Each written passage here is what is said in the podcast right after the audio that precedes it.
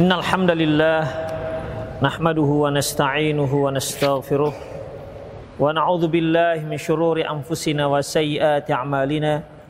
من يهده الله فهو المهتد ومن يضلل فلن تجد له وليا مرشدا. أشهد أن لا إله إلا الله وحده لا شريك له وأشهد أن محمدا عبده ورسوله الذي لا نبي بعده. وقال الله سبحانه وتعالى يا أيها الذين آمنوا اتقوا الله حق تقاته ولا تموتن إلا وأنتم مسلمون.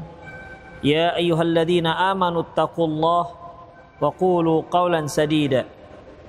يصلح لكم أعمالكم ويغفر لكم ذنوبكم ومن يطع الله ورسوله فقد فاز فوزا عظيما. يا أيها الناس اتقوا ربكم الذي خلقكم من نفس واحدة وخلق منها زوجها وبث منهما رجالا كثيرا ونساء واتقوا الله الذي تساءلون به والأرحام إن الله كان عليكم رقيبا أما بعد إن أصدق الحديث كتاب الله وخير الهدي هدي محمد صلى الله عليه وسلم وشر الأمور محدثاتها. وكل محدثة بدعة وكل بدعة ضلالة وكل ضلالة في النار. إخوة في الدين رحمني الله وإياكم. قال أمير المؤمنين في الحديث عبد الله البخاري إسماعيل البخاري عن أبي مرة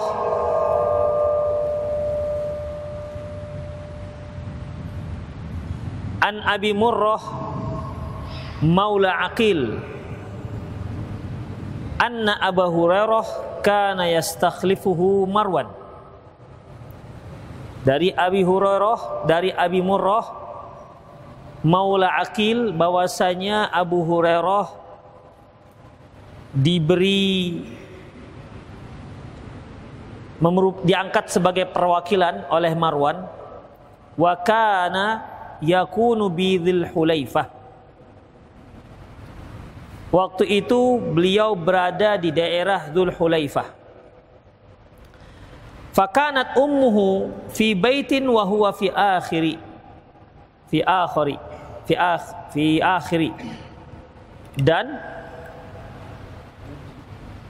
ibu beliau tempatnya di sana yaitu di akhir tempat qala fa idza arada ay yakhruja waqafa ala babiha Apabila beliau akan keluar meninggalkan rumahnya tersebut, dia ber, dia berdiri di pintu rumah ibunya, faqala Assalamu alayki ya ummatah rahmatullahi wa barakatuh.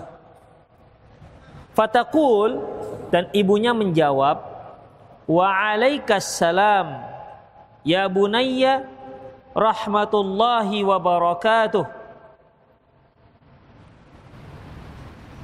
Fayaqul lantas Abu Hurairah kembali menjawab Rahimakillah kama rabbaitini saghiran Semoga Allah menyayangimu wahai ibu sebagaimana engkau telah menyayangi aku di saat masih kecil.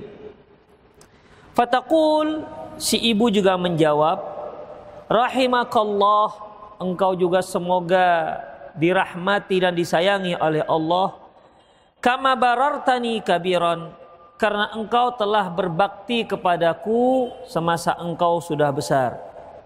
Thumma idza arada ayyadkhula sana'a mithlahu dan apabila beliau masuk ke rumah ibunya beliau lakukan dengan perlakuan yang sama Inilah ikhwafiddin kisah yang disebutkan Imam Bukhari tentang bagaimana Abu Hurairah berbakti kepada ibunya.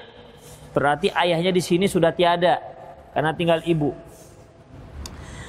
Dan sedikit informasi ikhwafiddin bahwasanya Abu Hurairah adalah seorang sahabat yang sangat antusias sekali terhadap ibunya yang waktu itu masih kafir.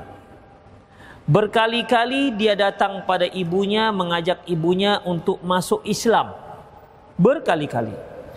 Hingga akhirnya Abu Hurairah radhiyallahu anhu datang kepada Rasulullah dan beliau berkata kepada Rasulullah, "Ya Rasulullah, ud'u Allah ayyahdiya umma ab ayyahdiya umma Abi Hurairah."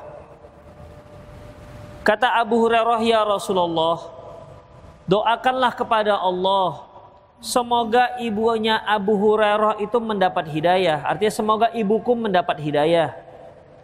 Lantas Rasulullah Shallallahu Alaihi Wasallam berdoa, Allahumma hdi umma Abi Hurairah. Ya Allah, berilah hidayah kepada hidayah kepada ibunya Abi Hurairah. Tak berapa lama kemudian Abu Hurairah datang ke tempat ibunya.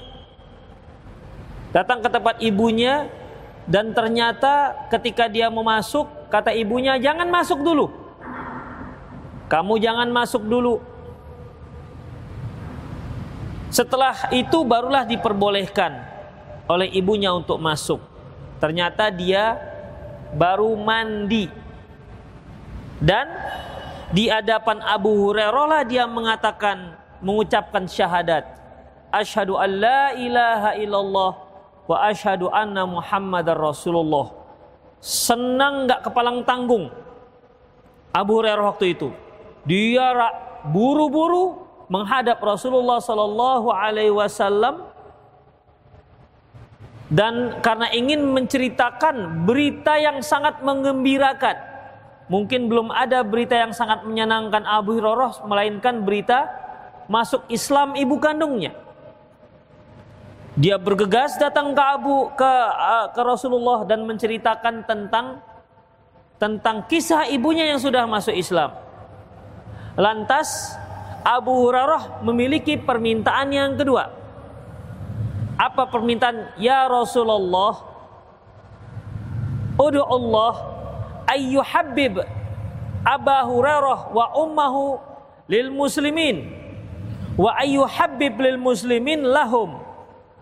Permintaan kedua Abu Hurairah ya Rasulullah doakanlah kepada Allah agar Abu Hurairah dan ibunya dicintai oleh kaum muslimin dan kaum muslimin pun mencintai Abu Hurairah dan ibunya.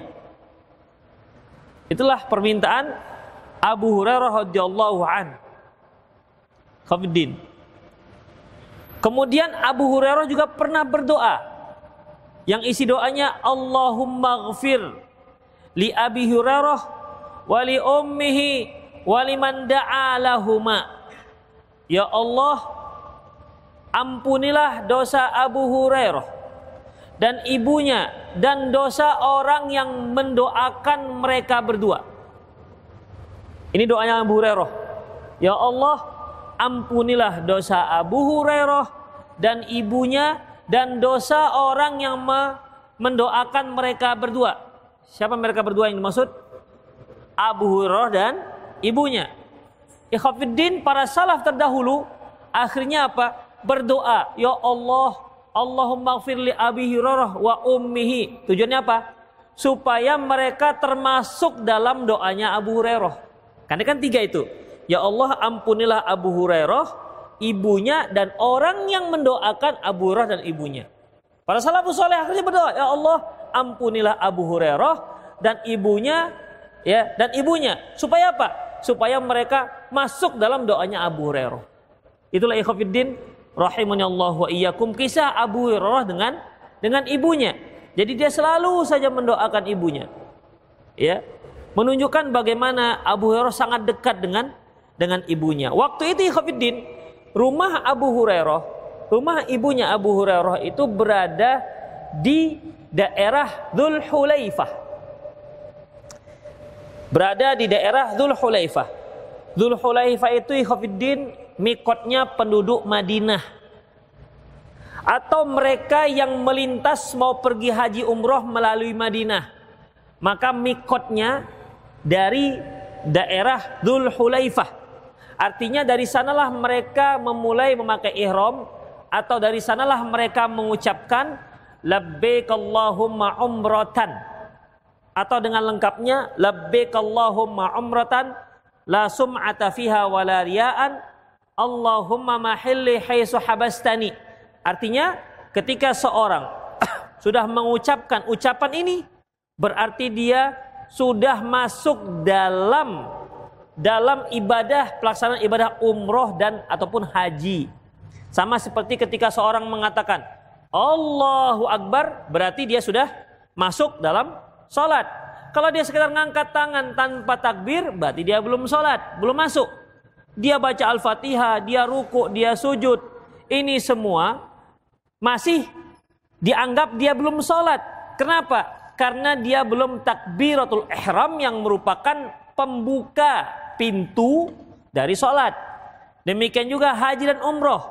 Pembukanya yaitu ucapan labbaik Allahumma umrotan atau labbaik Allahumma hajjat dan itu dilakukan di mikot. Mikot penduduk Madinah di Dhul Hulaifah. Ikhafidin rahimanallahu wa iyyakum. Dhul Hulaifah itu sekitar 15 km dari Masjid Nabawi. Ya, sekitar 15 km dari Masjid Nabawi. Kalau orang-orang lebih banyak menyebutkan Bir Ali. Antum mana lebih, lebih lebih sering mendengar Bir Ali apa Dzul Hulaifah? Bir Ali kan? Sampai di sini ada Trevor Bir Ali. Itu mau kalau namu ada. Di sini akan dibangun masjid Bir Ali. Emang Ali itu banyak orang pakai nama Ali masalahnya. Ikhwafiddin rahimanallahu wa iyyakum. Hanya saja nama ini sebenarnya tidak ada riwayat yang jelas. Tidak ada riwayat yang jelas tentang penamaan Bir Ali. Ada yang menyebutkan kenapa dikatakan Bir Ali karena waktu itu Ali bin Abi Thalib memerangi jin sehingga kalahlah jin pada waktu itu dan di situ di tempat tersebut terdapat sumur. Makanya dikatakan Bi'run Ali sumurnya si Ali, maksudnya Ali bin Abi Thalib. Akhirnya digabung Bir Ali.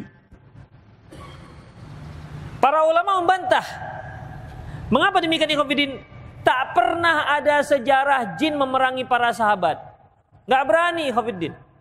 Anda ingat nggak kisah Abu Hurairah radhiyallahu anhu yang nangkap setan yang mau mengambil zakat, ya kan?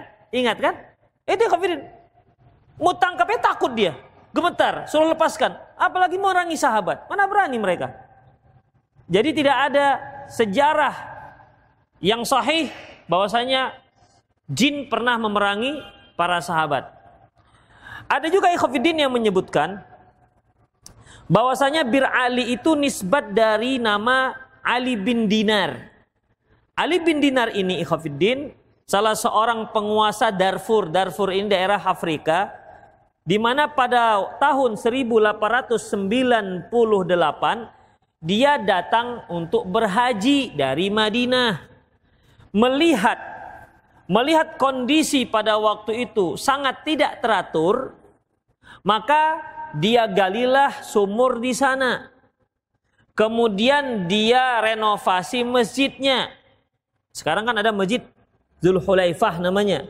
Atau juga orang sebutkan Masjid Bir Ali ya Masjidul Hulaifah atau Masjid Bir Ali ini ya jadi dia renovasilah masjid pada waktu itu di situ dan beliau uh, galilah sumur untuk apa? Untuk jamaah haji ataupun umroh yang bermikot dari daerah Dhul Hulaifah. Makanya dinamakanlah daerah tersebut menjadi Bir Ali. Ali yang dimaksud adalah Ali bin Dinar ini juga sebuah kekeliruan. Karena kata-kata bir Ali sudah ada sebelum datangnya Ali bin Dinar. Jadi sebenarnya dari mana kata-kata bir Ali nggak tahu dari mana asal usulnya. Tapi Rasulullah Shallallahu Alaihi Wasallam mengatakan bahwa saya tempat tersebut adalah Dul Hulaifah. Apa kata Syekh Bakar Abu Zaid Kata beliau bahwasanya sudah selayaknya kita sebagai seorang muslim untuk menamakan tempat tersebut sebagaimana yang Rasulullah namakan.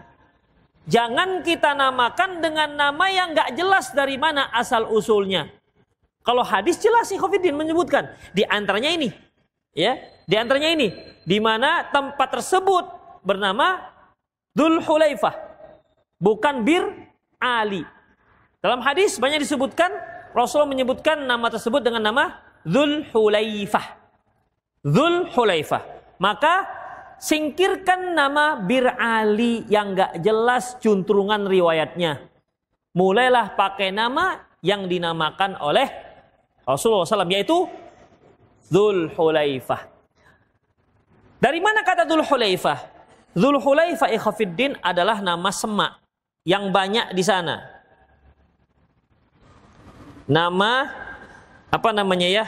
Nama uh, nama pohon, pohon-pohon semak yang banyak didapati di sana. Nah, inilah kira-kira. Nampak nggak? Saya nampak. Kita terangi ya. Ya Pak, kalau nggak dapat semua, nampak semua, nampak nampak separuh lah. Nih, nih kira-kira semaknya. Aku nampak kan? Enggak. Ini kira-kira. Nah, uh. ini bunganya ya pohon-pohon semak. Sepertinya daunnya sama seperti daun ilalang yang tumbuh di pinggir sungai. Gelagah. Antum pernah pohon, nengok pohon gelagah yang seperti lalang, ilalang? Uh, kan biasanya tumbuh di di pinggir sungai, tapi bunganya beda. Inilah bunga pohon Dhul Hulaifah Inilah waktu itu banyak di daerah Dhul Hulaifah Ikhafidin. Ini dia. Hmm. Apa kan? Yang nah, depan-depannya perwakilan ya.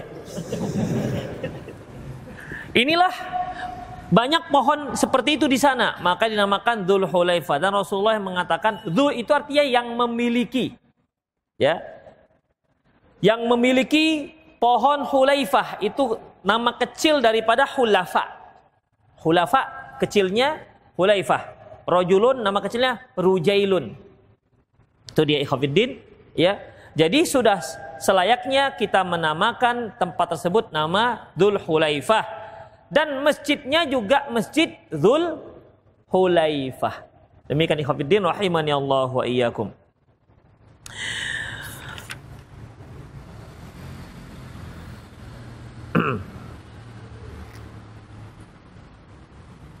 Taib kemudian di sini Abu Hurairah radhiyallahu an ketika dia datang ke rumah ibunya atau ketika dia keluar dari rumah ibunya selalu dia mengucapkan Assalamu alayki ya ummatah wa rahmatullahi wa barakatuh Assalamu alaiki ya ummatah. Salam atasmu wahai ibunda tercinta gitulah. Ummatah ini ikhafiddin apa namanya? Panggilan lembut. Ya abati. Ya ummatah. Itu panggilan lembut dalam bahasa Arab. Kalau orang tua memanggil anaknya dengan bahasa lembut yaitu ya bunayya walaupun anaknya sudah tua tetap dipanggil ya bunayya dalam bentuk tasghir kecil. Wahai anak kecilku. Karena ikhafiddin umumnya orang tua itu sangat sayang pada anaknya di saat dia masih kecil. Cintanya tuh luar biasa dicurahkan habis-habisnya. Makanya dipanggillah walaupun dia sudah dewasa dengan kalimat ya bunayya. Artinya Cinta saya kepadamu, sayang saya kepadamu sama ketika kamu waktu kecil. Itu Khofiddin. Ya. Makanya kalau kita lihat dalam Al-Quran, selalu para nabi juga memanggil anaknya dengan kalimat ya bunayya. Seperti Luqmanul Hakim memanggil anaknya ya bunayya la tusyrik billah inna syirka la zulmun azim. Wahai anak kecilku, padahal udah besar itu. Ya. Demikian juga ketika Nabi Ibrahim memanggil anaknya Ismail, Ya bunayya inni arafil manami anni adzbahuka fanzur madza taro. wahai anak kecilku. Padahal udah besar. Karena dalam Al-Quran disebutkan, falamma balagha ma'ahu Ketika Nabi Ismail sudah besar dan sudah sanggup membantu ayahnya. Kan nggak mungkin membantu ayahnya umur 4 tahun atau 3 tahun. Pasti sudah remaja. Falamma balagha ma'ahu Bagaimana memanggilnya ikhwafiddin? Nabi Ibrahim tetap menyebut dengan ya bunayya panggilan terlembut. Ini ra'ai ini arafil manami. Aku melihat dalam mimpi anni adzbahuka. Aku menyembelihmu. Ini perintah Allah supaya aku menyembelihmu. Kata kata Ismail, ya abati fa'al ma tu'mar. Wahai ayahanda, laksanakan apa yang diperintahkan oleh Allah. Di. Demikian juga Nabi Nuh juga demikian manggil anaknya. Ya bunayyar ma'ana. Wahai anak kecilku, Mari ikut bersama kami, ikut naik sampan. Wala takum ma'al kafirin. Jangan kamu termasuk orang yang kafir. Tapi karena anaknya degil bandel, dia katakan qala sa'awi ila jabali ya'simuni minal ma. Aku akan lari ke puncak gunung yang bisa menyelamatkan aku dari banjir. Kira-kira yang sanggup naik ke gunung, anak kecil apa udah besar? Udah besar. Tapi Nabi Nuh memanggil dengan kalimat ya bunayya. Itu panggil lembut. Makanya kalau antum punya anak, panggillah dengan panggilan lembut. Jangan, eh hey, borjong, jangan. Ya, panggil dengan panggilan lembut ikhwafiddin supaya dia belajar dari kita dengan panggilan yang lembut. Panggil saya, nak sayang nak sini sini. Begitu. Ya. Jadi sehingga si orang tua mengajarkan anaknya dengan panggil kasih sayang. Ya, panggil kasih sayang. Jangan, hei, sini kau dulu, sini kau dulu. Kutumbuk kau nanti kalau nggak mau. Jadi tidak usah seperti itu. Berbahasalah bahasa yang lembut kepada anak-anak supaya anak itu bisa belajar dari kita dengan kata-kata yang lembut. Demikian ikhwafiddin. Apa salahnya kalaupun anak sudah SMA kemudian dipanggil oleh emaknya atau ibunya, sini sayang, sini sayang. Bukan hanya harus SMP atau SD panggil sayang. Tapi jangan disuruh pakai bedak ya. Iya, kalau waktu SD bisa dibedak-bedak, udah tua gimana dibedak-bedak? Itu ikhafidin rahimanallahu Itu panggilan sangat berpengaruh. Ini Abu Hurairah ikhafidin memanggil ibunya. Assalamu alayki ya ummatah wa rahmatullah wa. Di situ diselipkan ya ummatah. Ya. Ya ummatah. Salam atasmu ya ummatah wahai ibuku baru dilanjutkan warahmatullah wabarakatuh. Kemudian si ibu menjawab, "Wa alaikas salam ya bunayya." Nah, itu dia. Wa alaikas salam ya bunayya. Tambah itu sisipannya. Wa rahmatullah wa barakatuh. Jawabannya. Kan mirip antara anak dan ibu. Makanya kalau antum bertemu dengan istri, Assalamu alayki ya habibati wa zaujati wa rahmatullah wa barakatuh. Mantap. Ya, tahu artinya kan? Hah? Tum tahu artinya? Tahu artinya? Assalamu ya zaujati wa habibati wa mali fuadi. Artikan. Artinya Assalamu wahai istriku yang tercinta wa rahmatullah wa barakatuh. Kenapa rupanya manggil istri tercinta? Sayang, kenapa rupanya? Ya nggak boleh itu kalau manggil yang siri orang, sayang-sayang, tercinta, Ikhwafidin Allah wa iyyakum. Ya, jadi itu dibolehkan. Ya dibolehkan. Nah, demikian juga si istri boleh menjawab wa alaikassalam ya habibi ya zauji wa rahmatullah wa barakatuh. Itu dia. Ya, jadi nampak islaminya. Jangan assalamualaikum, assalamualaikum ya my babe. Jangan. Ya baby. ya babe, say. Tak usahlah pakai say-sayan. Ya, walaupun tidak masalah karena terkadang kalau kita memakai bahasa Indonesia itu lebih terasa karena memang bahasa kita. Kalau pakai bahasa Arab nggak terasa, nggak terasa ke hati dia. Ya, Assalam baru pulang bisa baru pulang belajar bahasa Arab pulang dari Assalamu alaiki ya habibati ya zaujati. Bang, itu bahasanya apa sih? Kok macam bahasa-bahasa Abu Jahal? Ya. Jadi Khofiddin nggak nggak paham. Makanya Khofiddin salah satu kendala apabila seorang menikah dengan orang asing, sementara bahasanya bukan bahasa ibu, itu bermasalah di komunikasi. ya bermasalah di komunikasi. Kita mau romantis, mau romantis dengan bahasa Inggris, gimana coba? Mau romantis dengan bahasa Arab, gimana? Bahasa Indonesia di Arab kan nggak bisa. Mau marah dengan bahasa Indonesia di Arab kan nggak bisa, ikhwafiddin. Misalnya, eh kepalamu, misalnya. Itu kan marah kita udah, kepalamu ya. Kita pakai bahasa Arab, rok suka ya. Rok suka naam gitu ya. Nggak, nggak nyambung nggak nyambung. Makanya khafidin rahimallahu iyyakum silahkan memakai bahasa yang memang bisa terasa getarannya. Ya.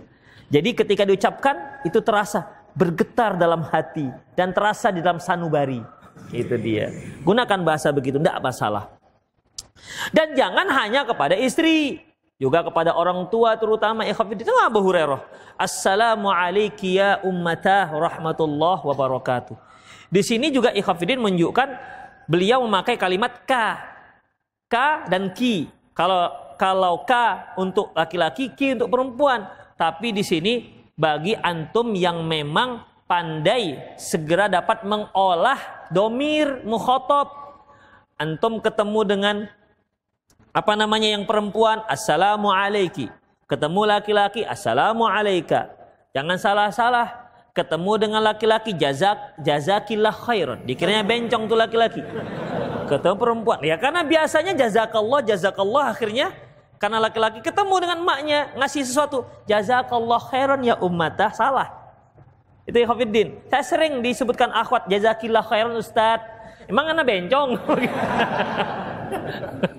Salah. Kalau nggak bisa sudah. Assalamualaikum saja sudah selesai. Ya assalamualaikum. Kalau memang tidak mahir dalam menggunakan menggunakan domir. Demikian. Boleh kalau kita pandai. Seperti Abu Hurairah mengatakan kepada ibunya Assalamu alaiki. Ya ummatah. Ibunya menjawab Assalamu alaika. Ya bunayya. Wa rahmatullah wa barakatuh. Itulah khafiddin rahimani Allah wa iyyakum. Kemudian satu hal lain yang bisa kita ambil di sini Bagaimana Abu Hurairah radhiyallahu anhu ketika mengucapkan salam, salam itu kan doa. Beliau mengucapkan salam full. Assalamu alayki ya ummatah wa rahmatullah wa barakatuh. Full dia. Ya. Jadi doanya terhadap ibunya juga lengkap. Dan ibunya juga mendoakan lengkap. Sama dengan anaknya. Mirip dengan anaknya, sama.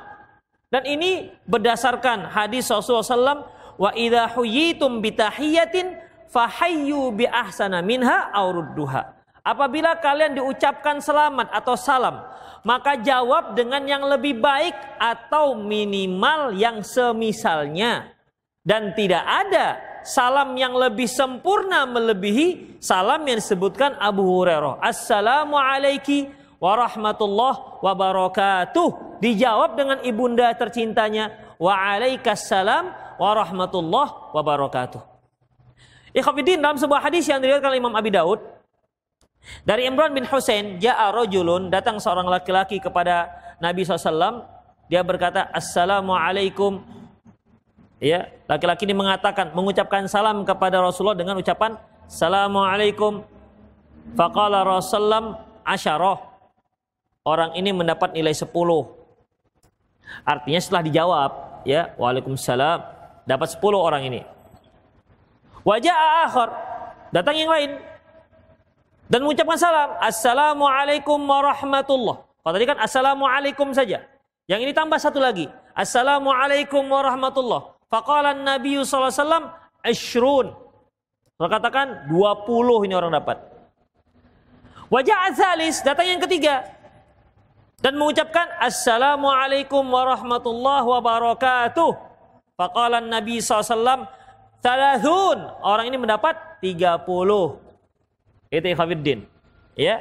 Jadi inilah yang paling sempurna. Jadi kalau kita mau mengucapkan salam yang sempurna, Assalamualaikum warahmatullahi wabarakatuh. Ya. Jadi jangan ada image kalau kita katakan kita mengucapkan assalamualaikum warahmatullahi wabarakatuh lengkap sekali itu Pak Ustadz ucapan salam di jalan.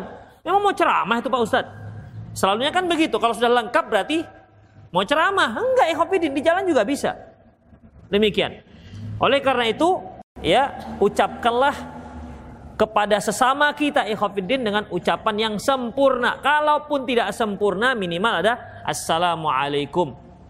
Karena ikhwatiddin rahimani Allah wa iyyakum, Rasulullah sallallahu alaihi wasallam pernah mengatakan, "Absyus salam tahabu." Tebarkan salam, maka kalian akan saling mencintai. Tebarkan salam, maka kalian akan saling mencintai. Ucapkan salam. Semakin sempurna, maka semakin dalam cinta kita kepada kepada orang tersebut. Kecuali kalau menimbulkan fitnah sebagaimana yang sering saya singgung. Yang dimaksud menimbulkan fitnah yaitu seperti ikhwan mengucapkan salam kepada akhwat yang akhirnya menimbulkan fitnah, terfitnah dirinya dengan si akhwat dan sebaliknya. Apalagi sang akhwat menjawab dengan kalimat bahasa ataupun suara yang mendayu-dayu ataupun dimerdu-merdukan. Ini tidak dibolehkan. Dalam situasi seperti ini, Al-Hafiz Ibnu Hajar mengatakan tidak disunnahkan untuk mengucapkan salam. Karena apa? Mudorotnya lebih besar. Ya, mudorot lebih besar. Demikian. Kalau seandainya sang ikhwan yang mengucapkan assalamualaikum kepada seorang akhwat, si ikhwan biasa-biasa saja, ya, biasa-biasa saja, dia tidak ada terfitnah. Biasa saja, ya dia muslimah, ya. Ucapkan salam silahkan, tidak ada masalah, ya. Dan akhwat juga jangan gr, ih dia ucapan salam loh dengan saya. Sempurna, sempurna, gr nggak ada, ya. Demikian ikhwatiddin rahimani Allah wa iyyakum. Rasulullah Sallallahu Alaihi Wasallam pernah mengatakan bahwasanya hakul muslim al muslim sit bahwasanya hak seorang muslim terhadap muslim yang lain ada ada enam. Yaitu idalaki tahu fasallim alaih. Kalau kamu bertemu ucapkan salam kepada dia. Itu ikhwatiddin kalau kamu bertemu ucapkan salam kepadanya. Kemudian juga ikhwatiddin kita lihat bagaimana uh, Rasulullah menyebutkan dengan menghidupkan sunnah ini kita bisa saling menyayangi dan saling mencintai. Menyayangi dan saling mencintai.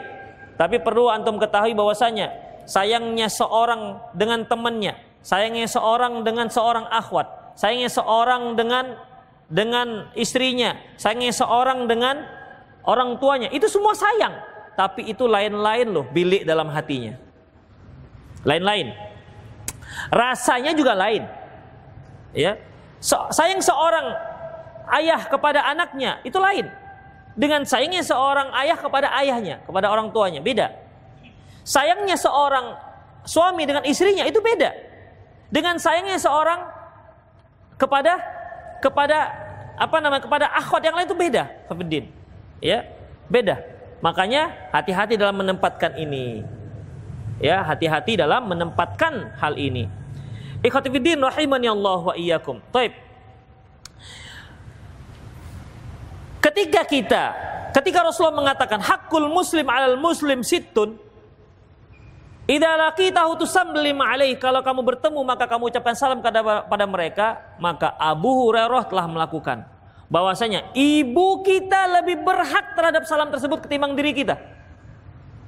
Ketimbang orang lain maksudnya. Ya. Jangan sampai ketika ketemu dengan orang pengajian Assalamualaikum Ketemu dengan ibunya Begitu ketemu Mak beli apa mak Gak ada ngucapkan salam Pernah nggak antum ketika bertemu dengan ibu antum di jalan atau lagi di kedai sampah beli sayur ucapkan assalamualaikum? Coba introspeksi diri sendiri. Ketika antum bertemu dengan seorang ustadz di tengah jalan, assalamualaikum, ya kan mantap kan? Assalamualaikum ya ustadz. Makhrajnya pun mantap. Ketemu dengan emaknya gimana? Ada nggak seperti itu? Emaknya lebih berhak diucapkan salam seperti itu ketimbang si ustadz. Seperti yang dilakukan oleh Abu Hurairah radhiyallahu an. Enggak boleh kita gengsi Khafiddin. Jangan, itu salam, itu ucap doa kepada ibu kita. Ketemu ibu kita jangan assalamualaikum. Assalamualaikum kalau dia panggil mama, assalamualaikum ma, begitu. Mami, assalamualaikum mami, begitu. Tapi ucapkan salam, jangan langsung ngomong tanpa mengucapkan salam. Tunjukkan kepada mereka kita itu belajar sunnah Rasulullah SAW. Bahwasanya orang tua kita lebih berhak mendapatkan itu. Seperti yang dilakukan oleh Abu Hurairah radhiyallahu an. Jadi ucapan salam itu bukan hanya orang pengajian dengan Pak Ustadz. Bukan. Tapi ayah kita, ibu kita, abang kita. Mereka juga berhak mendapatkan doa seperti itu. Itulah ikhwafiddin. Allah wa iyyakum. Ya karena anak yang mengucapkan begitu, ibunya Abu Hurairah, emaknya Abu Hurairah juga seorang yang paham. Makanya dia menjawab nggak mau kurang. Dia menjawab nggak mau kurang. Ketika Abu Hurairah mengatakan Assalamualaikum ya ummah warahmatullah wabarakatuh, ibunya menjawab nggak mau kurang. Karena mengamalkan hadis uh, ayat tadi, fahayu bi ahsana minha Jawab dengan yang lebih baik, aurudduha minimal yang sama. Ibunya menjawab dengan sempurna juga. Itulah ikhwafiddin kan sangat harmonis apabila orang tua dengan anak ini sama-sama ngerti sunnah. Harmonis sekali ikhwafiddin. Ya, bahkan bisa saling menasihati. Bisa saling menasihati. Si anak apal Quran, dia nanti bilang, Abi, udah berapa juz hafalnya? Abi cuma segitu. Agak malu-malu kucing, Ya, Abi pun menyebutkan, artinya ada usahalah bagi kita untuk nyamai anak kita kalaupun bisa. Itu khafiddin rahimani Allah wa iyyakum. Minimal anak kita itu bisa menjadi pemicu bagi kita ikhwafiddin. Ya, ngerti dia. Ketika kita katakan assalamualaikum ya bunayyati. Assalamualaikum ya bunayyati. Dia akan menjawab waalaikumsalam. Demikian juga anak kita ketemu assalamualaikum assalamualaikum ya abi. Kita akan mudah menjawab Demikian ikhwafiddin. Kalau orang tua nggak faham atau anak nggak faham, orang tua faham atau orang tua faham, anak nggak faham, dia ucap assalamualaikum. Ya, apa bang? Kan sering begitu. Kita ucapkan assalamualaikum ya umi. Ya, mau perlu apa? Mau beli apa? Beli beli beli aja. Begitu. Ya, namanya juga kita bertemu orang tua kita di kedai sampah. Di situ banyak makanan. Itulah ikhwafiddin. Kita lihat betapa harmonisnya seorang itu ketika dia sudah mengetahui syariat Islam. Ikhwatifiddin rahimani Allah wa iyyakum. Selanjutnya, Rasulullah sallallahu alaihi wasallam mengatakan, "Liusallimus saghir al kabir." Yang masih muda mengucapkan salam kepada yang lebih tua. Apakah Abu Hurairah melakukannya? Melakukannya. Demikian ikhwatifiddin. Mana lebih tua, Abu Hurairah apa maknya? Ya jelas dong maknya. Satu. Yang kedua, ini Abu Hurairah yang datang sebagai tamu. Ya. Di mana Rasulullah Allah Subhanahu wa taala pernah mengatakan eh Ya amanu la tadkhulu buyutan ghairu buyutikum hatta tasta'nisu wa tusallimu ala ahliha. Wahai orang beriman, janganlah kamu masuk ke rumah yang bukan rumah kamu sampai engkau minta izin dan mengucapkan salam kepada penghuninya. Itu dia. Masya Allah dari sini banyak hukum yang bisa kita ambil. Bagaimana harmonisnya antara Abu Hurairah pada ibunya. Bagaimana sambutan sang ibu juga sangat hangat ketika Abu Hurairah mengatakan ya kemudian Abu Hurairah memberikan doa setelah itu. Demikian ikhwatiddin rahimani Allah wa iyyakum. Lantas apa kata Abu Hurairah? Jadi setelah mengucapkan saling menjawab salam, Abu Hurairah mengatakan, rahimakillah kama rabbaitani rabbaitini saghira. Semoga Allah menyayangimu wahai ibunda sebagaimana engkau telah menyayangi aku sejak sewaktu kecil. Sewaktu kecil. Kenapa di sini ikhwan disebutkan sewaktu kecil? Kenapa? Hah? Iya ikhwan Karena waktu kecil itulah orang tua kita menyayangi kita itu habis-habisan. Mereka nggak ngerti, nggak ngerti siang, nggak ngerti malam. Pokoknya kalau kita nangis, dia akan kelimpungan sendiri. Dia cium, dia peluk, dia pangku. Lagi sholat, dia naik ke ke bahu kita. Lagi sujud, dia duduk di punggung kita. Kita senang malahan. Coba sudah besar, lagi sujud, duduk di punggung kita. Gantung ini anak. Iya kan, Itu menunjukkan sayangnya. Makanya sebagaimana engkau menyayangi engkau menyayangiku sewaktu sewaktu aku aku kecil. Dan ini Khafiddin persis sebagaimana yang disebutkan Allah Subhanahu wa taala Al-Qur'an. Allah Subhanahu wa taala mengatakan wa qur rabbirhamhuma kama rabbayani saghira. Katakan, ya Allah, sayangilah mereka berdua, maksudnya ayah dan bunda sebagaimana mereka berdua menyayangi aku sejak kecil. Abu Hurairah mengatakan rahimakillah kama rabbaitini kama rabbaitini saghira Engkau menyayangiku, semoga Allah menyayangi, semoga Allah menyayangi engkau wahai bunda, sebagaimana engkau telah mendidikku waktu kecil. Si ibu nggak mau kalah, ya. Rahimakallah, engkau juga dirahmati dan disayangi oleh Allah. Kama barartani kabiran, karena engkau telah berbakti kepadaku ketika engkau sudah besar. Mengapa disebutkan setelah besar ikhwafiddin? Sayang disebutkan sejak kecil, kecil tapi bakti disebutkan besar. Waktu besar. Kenapa?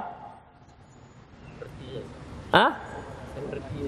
Yang namanya bakti seorang anak kepada ibunya ketika dia sudah besar. Ketika kecil nggak bisa diharapkan bakti mereka ikhafidin. Mereka belum paham. Anak antum masih merangkak. Nah, ambilkan tuh pulpen mama di situ. Atau tolong jaga sebentar ya. Atau anak masih masih 7 tahun, 8 tahun, berapa kali lah bisanya mereka? Yang mereka perhatikan adalah main. Makanya disebutkan kama kama barartani kabiro. Makanya bakti seorang anak itu sangat diharapkan orang tua setelah dia besar. Itu Khafiddin rahimani Allah wa iyyakum. Taib. Itulah beberapa uh, faedah yang bisa kita ambil dari dari dari hadis ini. Hadis ini Hafiddin sanatnya doif. Makanya tidak dicantumkan oleh Syekh Muhammad Asal Albuni dalam kitab Sahih Adabul Mufrad. Beliau mencantumkan hadis ini dalam kitab Doif Adabul Mufrad.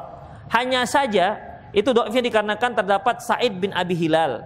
Wa kana. Beliau ikhtalato artinya hafalannya kacau. Ya, hafalannya kacau, nggak dobit lagi. Hanya saja ikhwatiddin, hadis hasannya ada yang mirip bunyinya seperti ini. Sebagaimana yang dicantumkan oleh Imam Bukhari dalam kitab yang sama. Ya, dan hadis tersebut disahihkan oleh Syekh Muhammad Nasiruddin Al-Albani. Kemudian ikhwatiddin rahimanallah wa iyyakum selanjutnya Ana Abdullah bin Amr radhiyallahu an qala jaa rajulun ila nabi sallallahu alaihi wasallam yubayi'uhu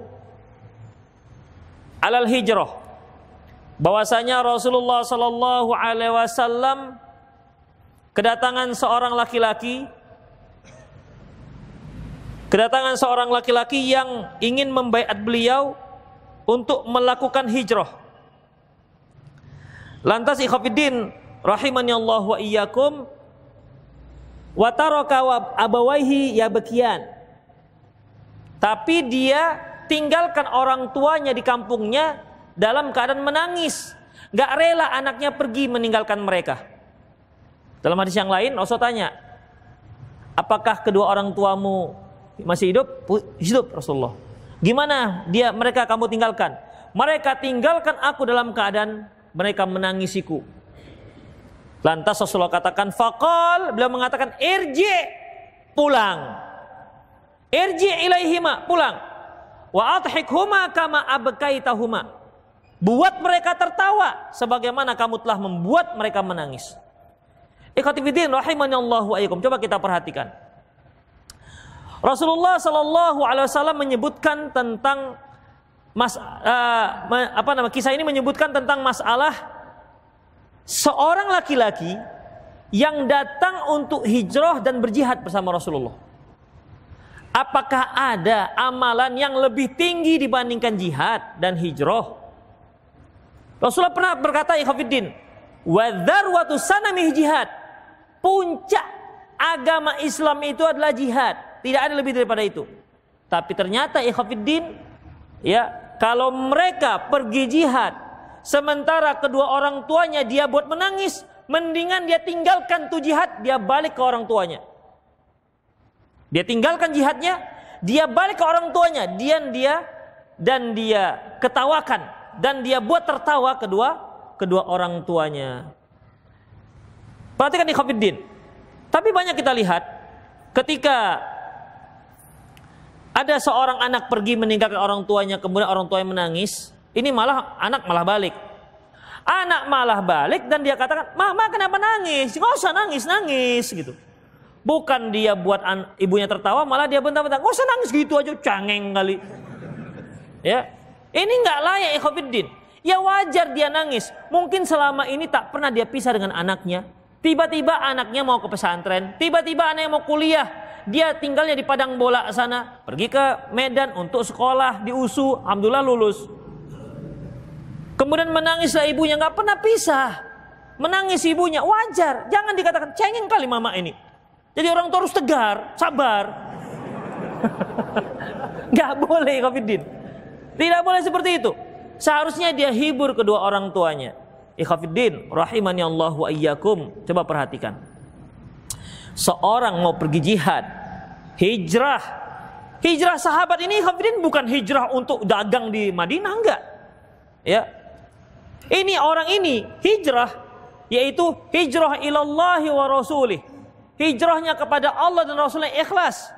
Bukan hijrahnya dikarenakan dikarenakan dunia yusibuha awim roatin yang kihuha bukan dikarenakan ada dunia yang akan diambil di Madinah atau ada wanita yang akan dinikahi di Madinah enggak. Ikhlas karena Rasul karena Allah Subhanahu wa taala. Ikhlas ingin bergabung kepada Rasulullah ternyata tak diterima oleh Rasulullah. Rasulullah nggak mau membaiat orang ini. Kenapa? Karena dia telah durhaka kepada kedua orang tua yang ditinggalkannya dalam keadaan menangis. Nggak diterima Rasulullah jihadnya. Nggak diterima Rasulullah dia bergabung bersama Rasulullah Gak terima oleh Rasulullah dia hijrah kepada Rasulullah SAW. Oleh karena itu Khafiddin, kita sebagai anak. Hijrah itu wajib pada waktu itu. Ingat, hijrah waktu itu wajib. Ya, makanya turun ayat kepada orang-orang yang gak mau hijrah. Uh, Allah menyebutkan dalam sebuah ayat Allahu Akbar hilang dari ingatan.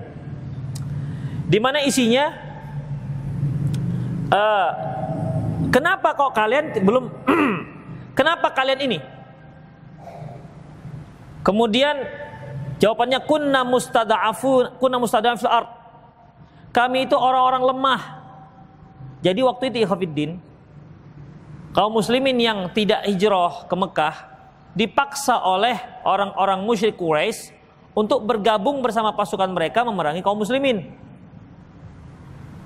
Akhirnya kan kaum muslimin membantai mereka, kan nggak tahu orang mereka gabungnya dengan orang musyrik. Lantas turun malaikat. Kalian ini kenapa? Jawaban mereka kunna mustada'afina fil ard. Kami itu orang lemah dipaksa. Lantas Malaikat mengatakan, "Qala, qala alam takun ardullahi wasi'an wasi'atan fatuhajiru fiha." Loh, bukankah bumi Allah itu luas kalian bisa hijrah? Faulaika ma'wahum jahannam wasat masiro. Mereka itu tempat adalah di neraka. Kenapa nggak mau hijrah? Ini sahabat hijrah. Mau hijrah bukan mau hijrah. Tapi dikarenakan masalah dengan orang tuanya. Bayangkan ikhwafiddin. Artinya kalau antum mau pergi bepergian, cobalah Mohon doa restu dari orang tua. Telepon, Pak, Mak, saya besok insya Allah ke Jakarta, mohon doa restu. Ya, gitu. Gak akan mungkin orang tua kita, nggak usah pergi, ngapain ke Jakarta? Ya, minta doa restu Ikhofiddin supaya supaya safar kita itu berkah. Antum mau nikah, telepon, Mak, Pak, besok saya nikah insya Allah. Mana? Ada calonnya sudah. Dari mana? Suku Asmat misalnya. Dia ke ke Indonesia Timur sana misalnya. Susah kali dari Indonesia Barat dapat dapat jodoh. Jadi kasih tahu orang tua kita ikhwatiddin. Ya, kalau akhwat memang harus kasih tahu. Kenapa? Karena walinya si ayah harus nggak bisa nggak. Laki-laki kan sah nikahnya, walaupun tanpa pengetahuan orang tua. Tapi Khofiddin mintalah ridho mereka, minta doa restu mereka. Ya, minta. Supaya rumah tangganya itu berkah. Demikian ikhwatiddin. Kalau seandainya antum punya pilihan, antum punya pilihan, dikenalkan dengan orang tuanya, mak ini ini pilihan saya, ini. Panjang kali jilbabnya, nggak maulah mama. Cari yang lain yang agak pendek-pendek sedikit. Kalau bisa yang seleher, misalnya, kalau bisa jilbabnya pendek, roknya juga pendek, misalnya begitu, maknya jahil rupanya. Bagaimana? Tenang. Jangan langsung mama nggak mengerti syariat. Kalau Rasulullah SAW, nah, begitu. ya, ikhafidin, pelan-pelan, pelan-pelan, minta doa restu, ya, dirayu orang tua. Itu ikhafidin. Demikian juga akhwat juga begitu.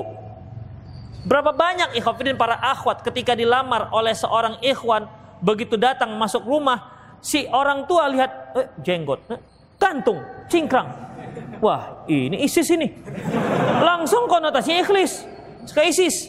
Wah, ini bakal banyak istrinya. Masya Allah nuduh. Ya.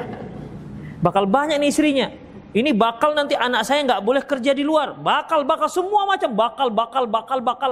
Banyak kali bakal-bakalnya. Akhirnya nggak terima. Jadi bagaimana? Akhwat diharap sabar, jangan langsung gantung diri. Ya, sabar, doa kepada Allah Subhanahu wa taala.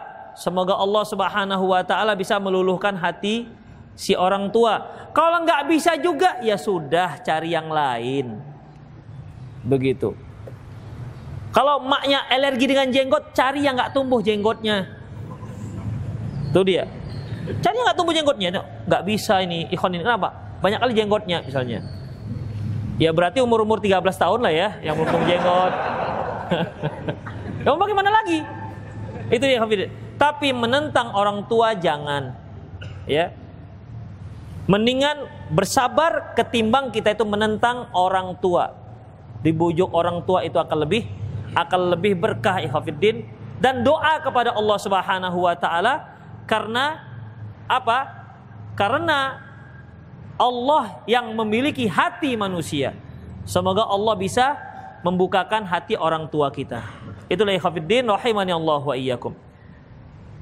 Kemudian ikhwafiddin ada hal lain yang perlu kita perhatikan di sini. Irji ilaihima. Kata Rasulullah, kembali kamu kepada kedua orang tuamu. Ini artinya ikhwafiddin. Kalau kita pergi, misalnya kita merantau lah atau sekolah lah, tinggal kita tinggalkan kita tinggalkan rumah orang tua pergi ke sekolah merantau atau ke ke pondok. Maka kalimat irji ilaihima ketika kita pulang yang pertama kita singgahi adalah orang tua kita. Jangan singgah sebentar di konconya konco lawehnya. Tinggal sebentar ke ke rumah apa ke tempat-tempat ya teman-teman akrabnya. Terakhir baru ke tempat orang tua. Nggak boleh ikhwatiddin Ya. Apakah ada yang begitu? Ada. Ada. Pulang dia. Dia bukannya langsung ke tempat orang tuanya, tapi nongkrong luntah di mana atau ngetem luntah di mana. Baru terakhir-terakhir, udah sampai mana nak? Masih sampai sini mak, macet. Mana sih lagi lagi kongko-kongko dia di kafe. Gak boleh kafidin. Itu termasuk sebuah kedurhakaan. Langsung irji ilahima ke Rasulullah. Kembali kamu kepada kedua orang tuamu. Jadi orang tua dulu disinggahin. Baru kemudian kawan-kawan yang lain. Itu menunjukkan kita itu sangat menghormati orang tua kita. Demikian ikhafiddin, azani Allah wa iyyakum. Kemudian apa lagi ikhafiddin? Yaitu mengenai hijrah. Nah ini dia. Hijrah tentang hijrah Rasulullah sallallahu alaihi wasallam pernah mengatakan la hijrata ba'dal fathi walakinna kemari perhatikan Kipas angin gitu-gitu aja, mutar-mutar gitu aja. Gak ada dia mutar balik. Gitu aja mutarnya. Rasulullah sallallahu alaihi wasallam bersabda, "La hijrata ba'dal fathi." Tidak ada hijrah setelah Fathul Mekah. Walakin jihad wan niyah. Tetapi jihad dan niat. Artinya setelah Mekah ditaklukkan, nggak ada lagi orang hijrah dari Mekah ke Madinah. Karena apa? Mekah sudah menjadi negara Muslim. Jadi bagaimana? Yang ada keluar dari sana untuk jihad dan niat ikhlas untuk berjihad. Itu ikhafidin. Ya. Juga Rasulullah Sallallahu Alaihi Wasallam pernah bersabda, ya pernah bersabda dalam uh, sebuah hadis yaitu mengenai al hijratu yang dikatakan al-muhajir adalah orang hijrah adalah man hajaro manahallahu anhu yaitu mereka yang hijrah dari yang dari yang dilarang Allah Subhanahu wa taala. Itu ikhwatiddin. Makanya sekarang kan ada bahasa e, sudah berapa lama hijrahnya begitu. Melihat seorang jilbab, seorang akhwat pakai jilbab besar, sudah lama hijrahnya deh ya. Artinya dia hijrah meninggalkan pakaian-pakaian yang enggak syar'i kepada pakaian yang syar'i. Ketika melihat seorang ikhwan pakai jenggot, itu belum tentu hijrah. Yakin antum? Itu belum tentu hijrah. Karena bisa saja niatnya dikarenakan mengikuti selebritis. Ketika melihat dia melihat dia cingkrang, itu belum tentu hijrah. Bisa saja dia mengikuti Naruto. Bisa. Bukan dikarenakan sunnah Rasulullah Sallallahu Alaihi Wasallam. Jadi Khafidin rahimani Allah wa iyyakum beda dan akhwat beda ya karena nggak ada yang berpakaian seperti itu selain para akhwat yang sudah mengerti mengerti pakaian-pakaian syar'i demikian semoga kita semua ber, berjenggot dan cingkrang itu bukan dikarenakan ikut tren apa namanya ahli busana Itali tapi memang dikarenakan Rasulullah Sallallahu Alaihi Wasallam itulah Khafidin yang bisa kita ambil beberapa faedah dari dua hadis yang kita baca tadi. Hadis ini hadisnya sahih ya. Hadis sahih yang juga diriwayatkan oleh beberapa beberapa ashabu sunan seperti uh, juga diriwayatkan oleh Imam Hakim ya dan diriwayatkan oleh yang dan juga diriwayatkan oleh Imam Abi Daud ya dalam kitab sunannya. Demikian ikhwatiddin rahimanallahu wa iyyakum. Jadi kalau kita bicara dengan hijrah Hijrah itu adalah kalau kita sekarang tidak ada hijrah kecuali hijrah dari apa yang dilarang oleh Allah ke yang diperintahkan oleh Allah. Apakah ada juga istilah hijrah dari tempat yang satu tempat ke tempat lain? Ada juga. Misalnya ketika kita berada di satu tempat tidak bisa untuk melakukan syariat Islam. Susah sholat, susah pakai jilbab, maka dia wajib untuk hijrah ke tempat yang ke tempat yang memang bisa menghidupkan sunnah Rasulullah Sallallahu Alaihi Wasallam. Kalau dia berada di negara kafir, di sana mereka boleh sholat, di sana juga mereka boleh untuk melakukan sholat Jumat, sholat Id, adzan dan seterusnya. Apakah juga mereka wajib untuk hijrah? Tidak. Kenapa? Karena mereka bisa menegakkan syariat. Hanya saja apabila kaum muslimin membutuhkan dia, supaya memperkuat kaum muslimin, maka dia wajib untuk hijrah memperkuat kaum muslimin. Karena keberadaan dia di negara kafir tidak apa namanya tidak tidak banyak manfaatnya. Itu ikhwatiddin, yaitu dikatakan hijrah. Jadi tetap dari yang buruk ke yang baik. Seperti orang-orang rahim ya. Wajib nggak mereka hijrah? Wajib. Ya, wajib mereka berhijrah. Kalau mereka sanggup untuk melawan, maka mereka wajib melawan. Karena itu termasuk jihad difa'an nafs, yaitu me, me, apa namanya, membela diri. Rasulullah katakan, "Mangqatala mangqata dun nafsahu fahuwa syahid."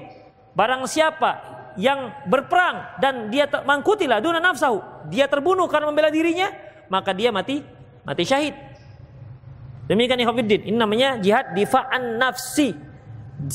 Jihad untuk membela diri sendiri. Dan bagi mereka kalau mampu mereka melawan, mereka hukumnya wajib. Tapi kalau nggak mampu, maka sebaiknya mereka jangan berada di tempat tersebut. Carilah tempat perlindungan. Karena kalau mereka tak berada di situ akan menjadi pembantaian oleh orang-orang kafir.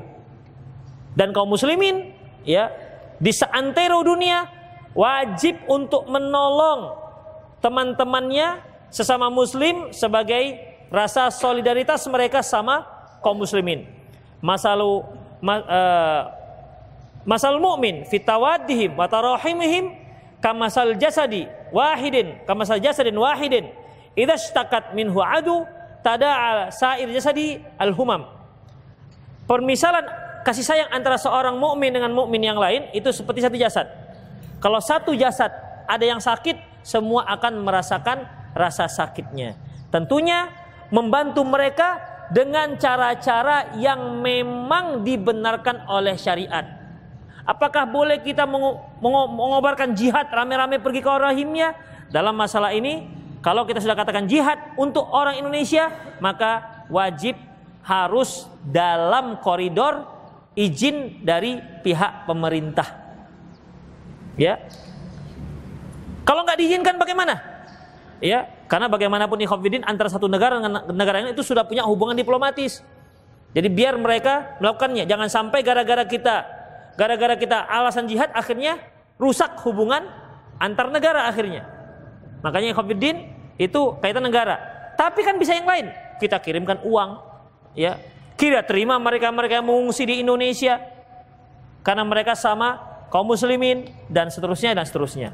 Dan minimal kalaupun kita nggak punya modal untuk memberikan bantuan, minimal doa pada mereka. Itu ikhwatiddin. Semoga Allah memberi mereka kesabaran. Demikian ikhwatiddin. Aku lu qawli hadha wa astaghfirullah li walakum. Walisalam muslimin wal. Sudah jangan lagi dikirim ke depan. Ini sudah cukup banyak. Ya. Akhwat sudah termasuk sini kan? Belum?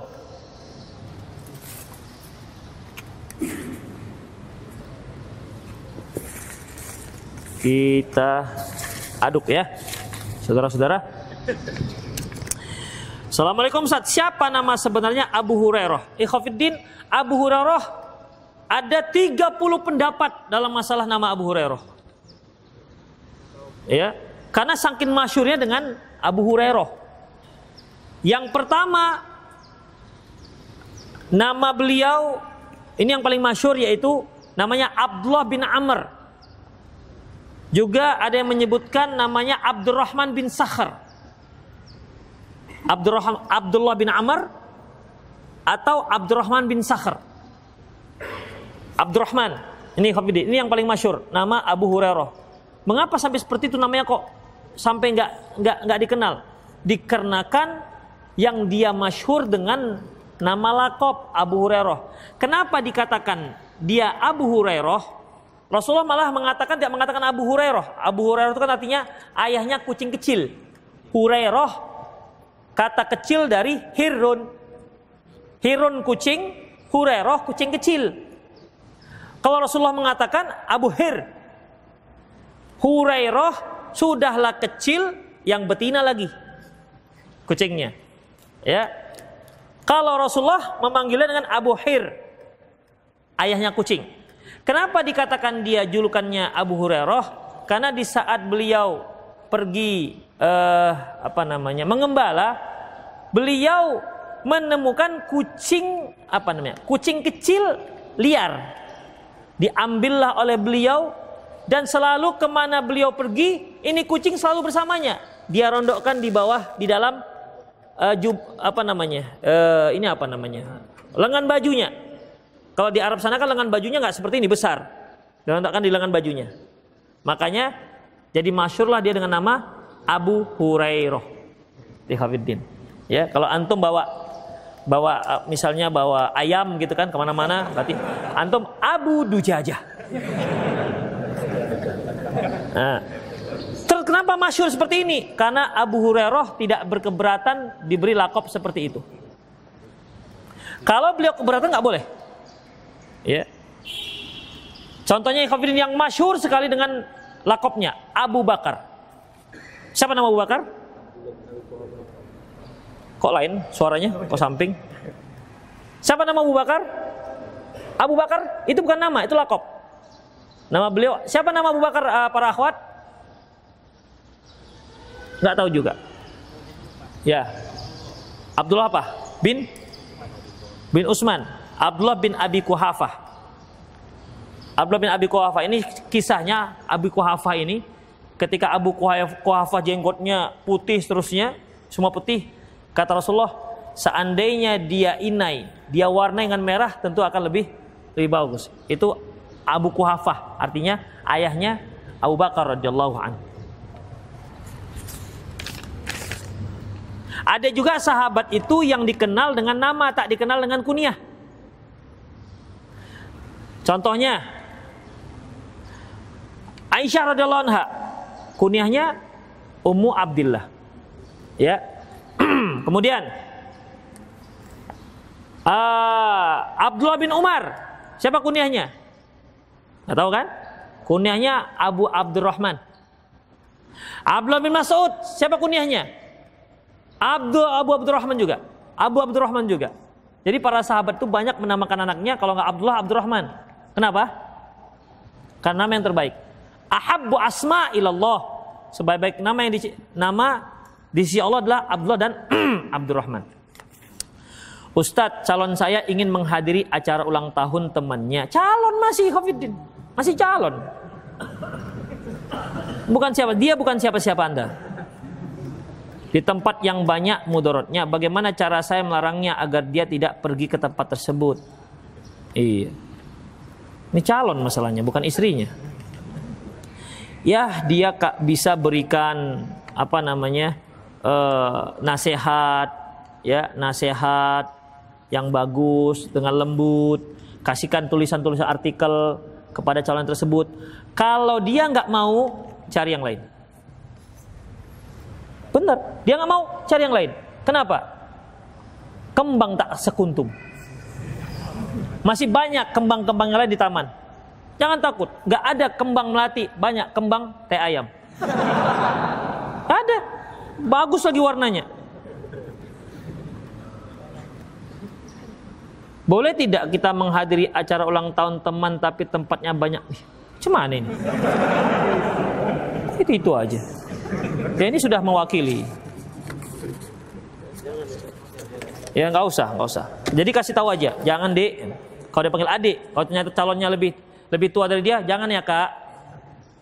Kalau ternyata calonnya itu sebaya ibunya, jangan ya bu.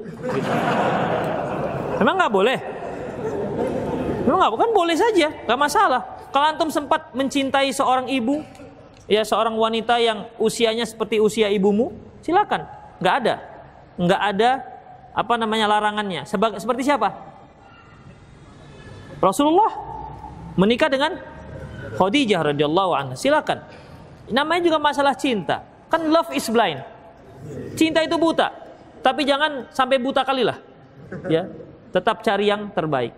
Apa itu fikih aul, aulia auliwiyat aulawiyat ya fikih aulawiyat ikhafiddin artinya kita melakukan hal-hal yang paling yang paling prioritas Misalnya, ya, antum wajib sholat, wajib mempelajari sholat.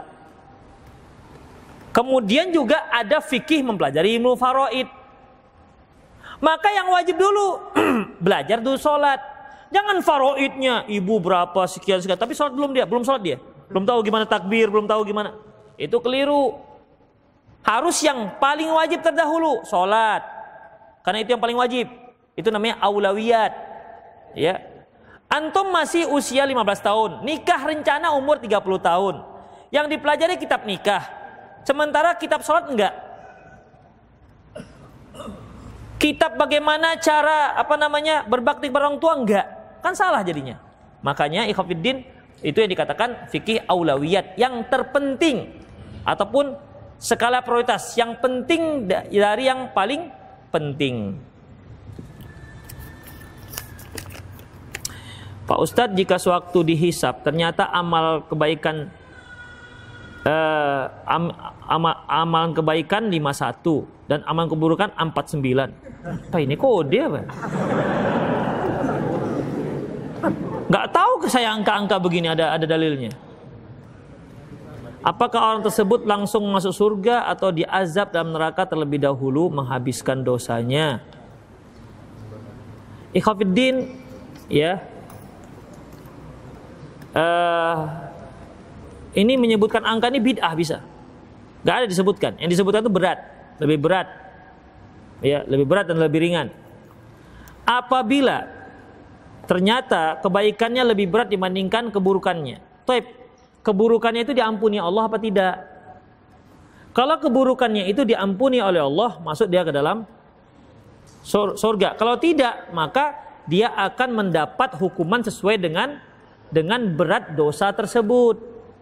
Makanya Allah katakan innallaha la yaghfiru ayyusyraka bihi wa yaghfiru ma duna dzalika liman yasha. Allah itu mengampuni dosa Allah tak akan mengampuni dosa orang berbuat syirik tapi selain bersyirik masih diampuni lima yasha bagi siapa yang dikehendaki. Oh dibukanya. Bagi siapa yang beliau kendakin, Allah kendakin. Jadi kalau Allah tidak mengampuni, ya dia harus dihukum terlebih dahulu. Tapi kalau Allah ampuni, dia akan langsung masuk surga karena mendapatkan uh, syafaat dari Allah Subhanahu wa taala.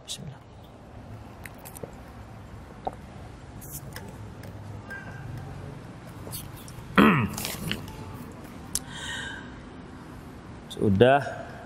Ini belum ya? Ini dari akhwat. Iya.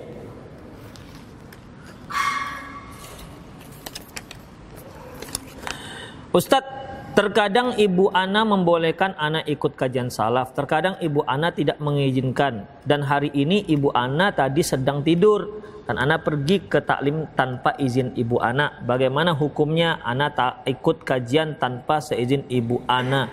Kalau ibu anti mengatakan, kalau ibu antum mengatakan kamu nggak boleh pergi kecuali dengan izin ibu, maka wajib minta izin. Kalau dia nggak kasih izin, rayu ibunya supaya memberi izin. Kalau enggak juga, apa pun yang kamu katakan ibu enggak izin, maka carilah ilmu dengan cara yang lain. Kecuali enggak ada cara lain selain pergi ngaji.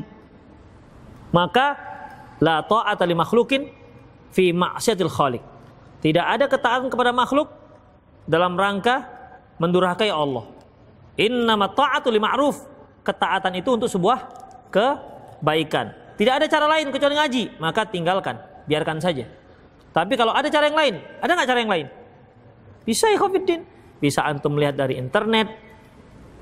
Bisa nanti ini kan diupload, antum bisa ulang lagi di di rumah. Banyak cara ya Khofiddin. Ya. Jadi tetap tidak dibolehkan. Supaya apa? Supaya ilmu kita itu berkah. Sekedar hadir-hadir begitu saja ya kalau nggak berkah, itu nanti masuk telinga kiri, keluar telinga kiri. Kalau masuk tengah kiri, keluar tengah kanan, masih mendingan dia lewat. Ini nggak lewat sama sekali. Ciu, mantul. Nggak berkah jadinya. Kalaupun dia dapat, dikhawatirkan nanti karena ketidakberkahan, akhirnya sulit untuk mengamalkan. Data semakin banyak, tapi sulit untuk diamalkan. Itu ikhwafiddin. Ya, tetap orang tua minta izin dari orang tua. Semoga Ustadz dalam keadaan sehat walafiat. Alhamdulillah insyaallah. Amin. Saya mau tanya Ustadz, boleh tidak saya tidur sama ibu saya walaupun saya sudah lewat balik namun hal itu merupakan rasa sayang saya pada ibu saya? Boleh. Boleh, Hafiddin. Ya. Boleh antum tidur dengan ibu antum karena ibu itu adalah apa? Bahkan antum dikeloni ibu antum juga boleh. Antum kan anaknya. Ya, boleh, nggak masalah. Apa tanda kita apa tanda kita diabaikan oleh Allah dan bagaimana cara agar kita tidak diabaikan oleh Allah dan selalu dijaga oleh Allah. Tanda kita diabaikan oleh Allah yaitu waktu kita dihabiskan untuk hal-hal yang nggak bermanfaat. Itu di antaranya. Ya, waktunya kok habis tuh yang nggak bermanfaat begitu. Habis berlalu dari pagi ke sore, sore ke sore ke pagi lagi, berlalu begitu saja tanpa ada manfaat. Allah menyibukkan kita dengan dunia. Allah sibukkan kita dengan dunia sehingga habis waktu kita untuk dunia tanpa memperhatikan akhirat. Itu tanda Allah Subhanahu wa taala tidak menginginkan kebaikan kita. Jadi bagaimana caranya untuk berubah? Innallaha la yughayyiru ma biqaumin hatta yughayyiru ma bi anfusihim. Sesungguhnya Allah itu sesungguhnya suatu kaum tidak akan berubah hingga Allah tidak akan merubah suatu kaum sehingga dia berusaha untuk berubah. Apabila Assalamualaikum Ustaz, apabila mantan mengucapkan salam, apakah saya harus menjawabnya? Ya kalau nggak ada, kalau tidak ada getaran-getaran yang lalu, kalau seandainya tunas-tunas yang lalu itu sudah antum cabut sama sekali dari akar-akarnya, maka dia tak akan bergoyang hanya sekedar sekedar mengucapkan assalamualaikum. Tapi kalau ternyata antum katakan putus sementara tunas semakin berkembang, kemudian antum mendengar assalamualaikum bang, itu pucuknya akan bergoyang ikhwatiddin. itu dia. Pucuknya akan bergoyang dan itu bisa menggetarkan hati antum dan itu akan lama getarannya. Resonansinya lama, ting begitu. Karena apa? Ada tunasnya. Tapi kalau memang tidak ada apa-apa, tidak ada lagi ada apa-apa di antara mereka dan dicabut seperti dia mencabut panu itu ya dari akar-akarnya, silakan saja berarti nggak ada apa-apa. Pada asalnya boleh seorang ikhwan mengucapkan salam pada akhwat akhwat boleh mengucapkan salam pada ikhwan. Yang nggak boleh kan kalau akhirnya menimbulkan fitnah itu ikhafidin. Rasulullah mengucapkan salam kepada kaum ibu-ibu, ya, ada masalah. Itu asalnya. Ustaz, mana yang lebih utama ketika waktu sholat telah masuk namun dosen masih tetap mengajar? Apakah harus keluar untuk sholat atau tetap lanjut belajar? Tergantung yang bertanya ini siapa. Kalau yang bertanya ini seorang akhwat, ya, ya kan dia tidak ada kewajiban untuk sholat berjamaah. Tapi kalau untuk ikhwan, upayakan untuk izin sholat. Ya, izin sholat. Upayakan. Kalaupun kalaupun akhirnya apa namanya mau izin, coba sebelum masuk ngomong dulu, Pak, saya nanti kalau adzan saya permisi Pak ya, sebentar aja sholat, nanti saya balik lagi. Itu. Jadi jangan begitu dia ngajar, mau dia nulis uh, murid sekalian, guru ngajar dosen, oh, Pak permisi mau azan, motong percakapan guru, kan nggak sopan namanya. Jadi ikhwatiddin segala sesuatu itu coba dikomunikasikan. Sebelum masuk kelas, ini ini nampaknya lagi ngajar ini. Ya, antum bisa permisi. Sebelum itu cerita dengan Pak dosen. Itu ikhwatiddin.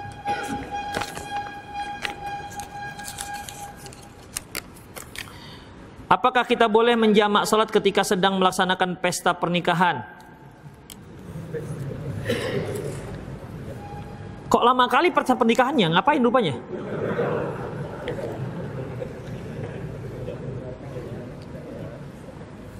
Dan kemudian apa sibuknya pesta pernikahan itu sehingga nggak sholat ataupun menjamak? Itu permasalahannya. Apa apa sibuknya? Ya Ustadz, kita kan sibuk duduk di pelaminan. Misalnya, Apalagi akhwat kan. Akhwat kan harus kalau dia pas lagi mempelai kan banyak yang harus dia pakai. Bedak saja itu tiga lapis sampai empat lapis. Alas bedak, kemudian uh, alas bedak. Apalagi lah tanyalah para akhwat banyak sekali lapisannya. Sehingga yang wajahnya tadinya coklat jadi putih. Bisa dirubah. Nanti kalau pakai wudhu kan hilang lagi makeupnya. Begitu ikhafid enggak. Kalau untuk seperti itu ikhwafiddin itu berarti bukan uzur. Itu berarti bukan uzur yang syar'i. Kalau memang gara-gara pesta pernikahan. Tetaplah sholat pada tempatnya. Kecuali mungkin satu hal yang memang mungkin tidak bisa tidak bisa ter apa namanya memang tidak bisa ditinggalkan misalnya maka prinsipnya boleh Rasulullah pernah menjamak sholat tan, tanpa tinta, tanpa ada rasa takut tanpa hujan dan juga tanpa ada tanpa sakit. Itu ikhwatiddin. Kalau memang perlu sekali ya dibolehkan. Tapi upayakan dahulu. Ya, kalau memang kita nggak tahu lah bagaimana pestanya saking sibuknya sekali sampai dia harus menjamak, ya maka dibolehkan. Kalau memang, tapi kalau asalnya kalau pesta pernikahan boleh dijamak. Nanti mungkin nggak sibuk dia, tidak ada tugasnya. Tugasnya hanya menerima tamu. Misalnya, Nanti ada tamu dia buka buku. Siapa namanya, alamat di mana, kadunya, tandain nomor sekian. Ya, nanti dibuka nomor sekian. Kadunya, oh ini sebulan ditandain nomor sekian. Oh, kadunya rupanya serba lima ribu. Ustadz, apa ini? Ustadz, bagaimana cara menghadapi seorang ibu yang keras, legas, lugas, tegas, keras, tegas, cerewet, tapi dia peduli dan sayang.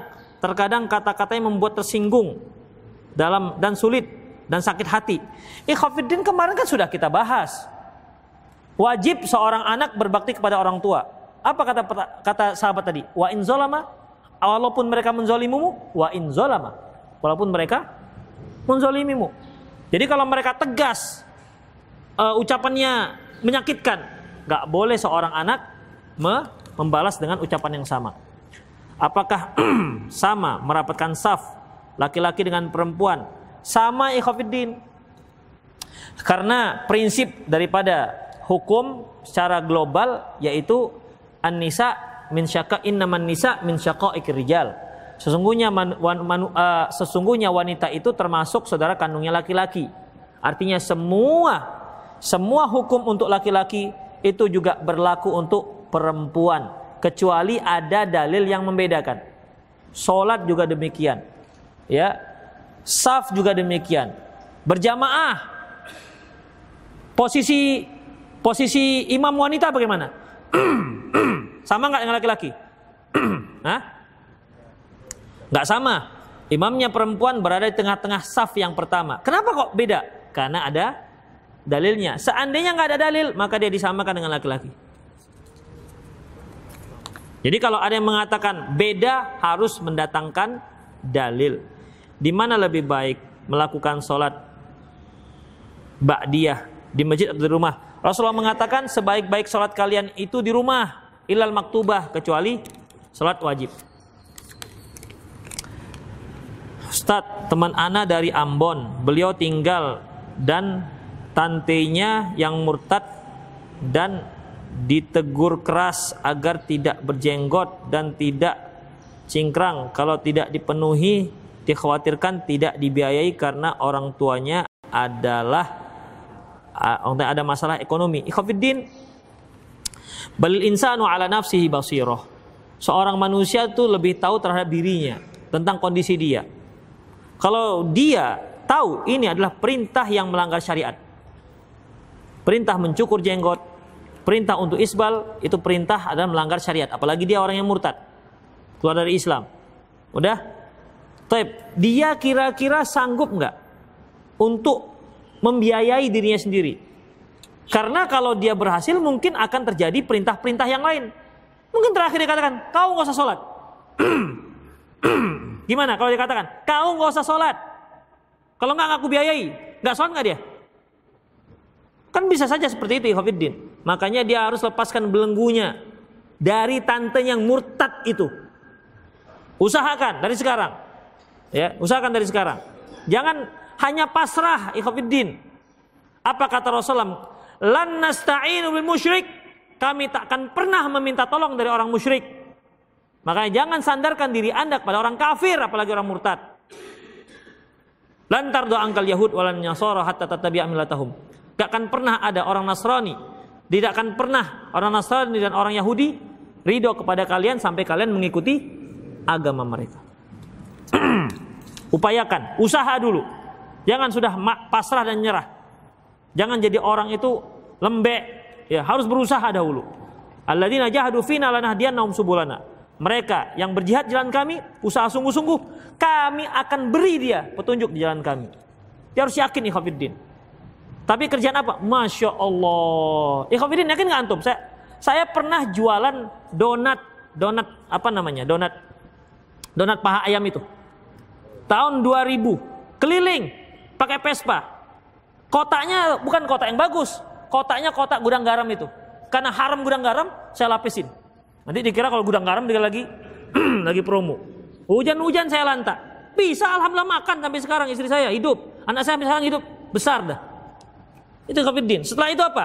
Saya uh, sehari-hari setelah itu buka steling jam di pinggir jalan Kampung Lalang, di trotoar. Kalau hujan kehujanan, kalau panas kepanasan. Itu kafirin bisa. Saya juga pernah jual sedotan pipet keliling sampai ke sawit seberang sana. Makan alhamdulillah. Kalau kita bekerja ikhafidin, insya Allah dapat yang kita masalahkan kan kepingin kerja di belakang bangku, di meja, harus pegawai, harus PNS. Ini permasalahannya. Antum kira bahwasanya PNS itu lebih besar pahala dibandingkan tukang butut? Tanya tukang butut itu berapa gajinya? Tanya apa PNS yang baru-baru masuk itu berapa gajinya? Iyalah, memang parlentenya iya. Naik sepeda motor, kredit itu. Jangan tengok penampilannya. Orang sekarang prestise gaya mobil, padahal kredit. 15 tahun kredit, punya rumah kredit 20 tahun, semua. Akhirnya hidupnya terlilit kredit. Mendingan antum beli apa? Astra 700. Harga 2 juta, tapi dia kontan ikhafidin. Itu dia. Jadi saya dulu gitu, awal-awal belinya memang wah, kawan-kawan tuh banyak sekali yang bagus-bagus. Enggak, enggak apa-apa. Sanggupnya apa? Saya beli Vespa. Beli Vespa, harga waktu 2 juta. Masya Allah, bawa istri depan anak dua. Kan ada tempat berdiri. Tempat berdirinya kan ada. Iya kan? Dan Alhamdulillah sampai juga ke tempat. Sampai Alhamdulillah. Berkali-kali saya pulang balik pulang balik Medan sampai itu. Demikian ya mogok-mogok sekali-sekali lah biasa. Sekali-sekali copot kenal potnya. biasa ikhwatiddin. Kalau kita kerja insya Allah Allah akan beri. Saya di dekat saya itu ada nenek. Nenek-nenek udah tua ikhwatiddin. Tapi dia masih aktif. I, nenek ini punya ibu juga masih hidup. Kalau pagi dia jual lontong. Kalau siang dia jual pecel. Kalau malam nggak tahu jual apa lagi. Saya bilang, Nek, nggak capek? Enggak. Banyak rezeki nek. Alhamdulillah. Pokoknya kalau ini bahasa Jawanya, bahasa Jawanya kalau bahasa artinya kalau tangan kita membuka, kalau tangan kita menggenggam, maka mulut akan mingkem katanya. Nggak ngunyah. Kenapa? Nggak kerja. Tapi kalau tangan kita mengembang, maka mulut juga akan mengembang. Artinya akan makan. Itu nenek-nenek loh. Usahanya hanya depan teras. Masa anak-anak ganteng seperti ini nyerah dengan orang murtad seperti itu? Iya. Jangan lepaskan belenggu Anda dari situ. Banyak yang bisa dikerjakan. Banyak yang bisa kerjakan. Allah itu maha pemberi rezeki. saya pemuda berumur 20 tahun. Saya ingin menikah muda. Tapi ibu saya belum izin. Dengan alasan saya harus mapan selesai kuliah dan punya pekerjaan bagus dan saya takut dengan fitnah fitnah wanita ustadz bagaimana saya harus mencikapinya ikhafiddin sama artinya apa pun ceritanya antum minta izin. Kalau ibu antum belum juga mengizinkan rayu dia. Mak begini begini begini begini. Rayu dia Khafiddin saya udah nggak tahan lagi nih mak panas mak keliling mak kan bisa. Ya bisa Khafiddin kasih tahu kasih tahu. Ya kalau juga udah antum rayu juga nggak bisa juga ya sabarlah. Banyak-banyak puasa. Kan ada kan ada solusinya. Rasulullah katakan ya ma'syarus syabab, wahai pemuda, man istata'a minkumul ba'a. Kalau kalian sudah sanggup nikah, maka nikahlah. Fa innahu ahsanul farj wa ghadul basar. Karena dengan menikah itu lebih bisa menjaga kemaluan, kehormatan dan bisa menundukkan pandangan. Wa ilam dastati, kalau nggak sanggup juga, fa'alaika bisiyam, fa'alai bisiyam, maka tidak ada puasa. Fa innahu lahu wija, karena dengan puasa itu akan sebagai pengendali. Makanya puasa lantum sebulan tiga kali. Nggak juga Ustaz bisa, semakin panas. Puasa Senin Kamis. Nggak juga, tambah dosisnya puasa Nabi Daud. Nggak juga, selang-seling. Di samping puasa Nabi Daud, masukkan puasa Senin. Masukkan puasa Insya Allah ada, ada yang bisa. Insya Allah letoy antum, insya Allah. Dengan banyak puasa, insya Allah. Jangan khawatir. Rasulullah yang memberikan solusi. Adapun dengan banyak olahraga, masya Allah. Waktu olahraga memang lembek dia. Habis olahraga, begini lagi. Ya, kembali. Olahraga enggak? Ustadz, apakah berdosa jika anak manjak pada orang tuanya? Enggak. Tapi jangan sampai menyusahkan minta disuapin atau minta tolong beberapa hal karena si anak sibuk belajar, boleh Khafiddin. Selama orang tua itu ridho. Bahkan begini orang tua. Berapa banyak orang tua yang nah gak usah kamu cuci piring, gak usah kamu nyapu, gak usah. Udah kamu belajar aja, belajar, belajar, belajar dah. Itu semua mama yang ngerjai. Kan banyak begitu orang tua Khafiddin. Ya, banyak orang tua seperti itu. Makanya nggak apa-apa. Kalau orang mereka tuh ridho. Kalau orang tua kita tuh masih kuat, masya Allah mereka tak akan mau minta tolong ke kita. Karena dia nggak kuatnya baru kemudian minta tolong. Makanya Rasulullah katakan, rugi, rugi dan rugi seorang yang mendapatkan orang tua dalam keadaan tua, namun dia nggak masuk surga. Kenapa dikatakan tua di situ? Karena di saat mereka tua itulah sangat membutuhkan anak-anaknya. Tapi kalau orang tuanya masih seperti saya ini misalnya, masih kuat, sehat, walafiat, masih usia 50, dia nggak akan butuh dengan anak-anaknya. Dia ingin anaknya sukses, dia ingin anaknya belajarnya Selesai. Itu Khofiddin. Gak apa-apa. Ambil yang ngapal. Mak, awak mau ngapal ini, Mak. Sambil ujian bisa ujian. Suapi ya, Mak ya. Pan usianya sudah hampir 23 tahun. Iya, iya, nggak apa-apa, nggak apa-apa, silakan. Khofiddin. Saya ada cerita seorang ibu. Kalau anak saya Ustadz mau pesantren, saya yakin papanya yang pertama nangis. Karena sampai besar diperlakukan seperti anak-anak. Saking sayang, saking dekatnya. Kemarin lagi masih sedengar anaknya di kedokteran, usu. Anak emaknya manggil, Sini sayang, sini sayang, sini sayang. Kalau kita besar-besar gini kan dikatakan sayang sayang, bersayang sayang, gitu kan? Begitu saking dekatnya Khafidin, boleh silahkan, silahkan, karena masalah. Itu mak kita kok, ya. Dan balas juga kasih sayang dia dengan dengan rasa sayang juga. Udah mau habis waktunya, panjang kali. Ada lebih pendek lagi? Nah ini. Bagaimana Ali dan Muawiyah bisa berperang? Berarti Muslim kawan mus, lawan Muslim. Iya, waktu itu ada fitnah. Ya, waktu ada fitnah. Di saat itu orang-orang Khawarij terjadi ke, eh, apa namanya gencatan senjata. Ternyata pada saat gencatan senjata ada orang Khawarij dari pihak Ali dan ada orang Khawarij dari pihak Muawiyah. Akhirnya mereka memanah ke pasukan Muawiyah dan orang Khawarij juga dari sini memanah ke pasukan Ali. Akhirnya dikira pasukan Ali yang menyerang dan ini mengira pasukan Muawiyah yang menyerang. Tikafidin. Namanya juga dalam keadaan fitnah ya.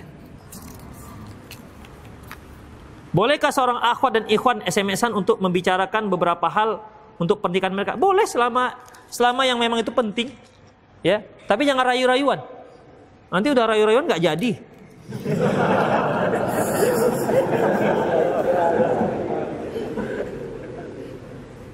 Ustadz, bagaimanakah jika memiliki anak perempuan di luar nikah yang sekarang anak itu akan menikah? Ya, dia dinikahi oleh wali hakim, bukan ayahnya.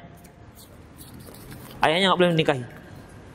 Ustadz, jika kita seorang mengucapkan salam tidak sempurna, contohnya mekom, assalamualaikum, apakah sebaiknya kita lakukan? Sebaiknya ikhwafiddin kita lakukan apa? Kita lakukan yaitu memperbaiki ucapan dia. Ya masa kita ketemu, Mikum. Jawabannya? Lamkum apa? ya. Diperbaiki, nggak begitu caranya begitu. Tetap diperbaiki. Minimal dia punya niat yang bagus lah untuk mengucapkan. Aduh, udah ya Khafidin ya. Saya panjang-panjang semua. Wah ini lagi. Uff. Ini pendek tapi nggak bisa dibaca. Saking bagusnya. Iya. Demikian ikhafidin sudah jam 6 lewat. Semoga apa yang kita bahas tadi bermanfaat. Insyaallah kajian akan datang terus kita kaji hadis demi hadis yang disebutkan oleh Imam Bukhari dalam kitab Adabul Mufrad. Aku lu qauli wa astaghfirullah li wa lakum. Muslimin innahu ghafurur rahim. Subhanakallahumma rabbana wa bihamdik asyhadu an la ilaha illa anta astaghfiruka wa atubu ilaik. Wa akhiru da'wana alhamdulillahi rabbil alamin. Assalamualaikum warahmatullahi wabarakatuh.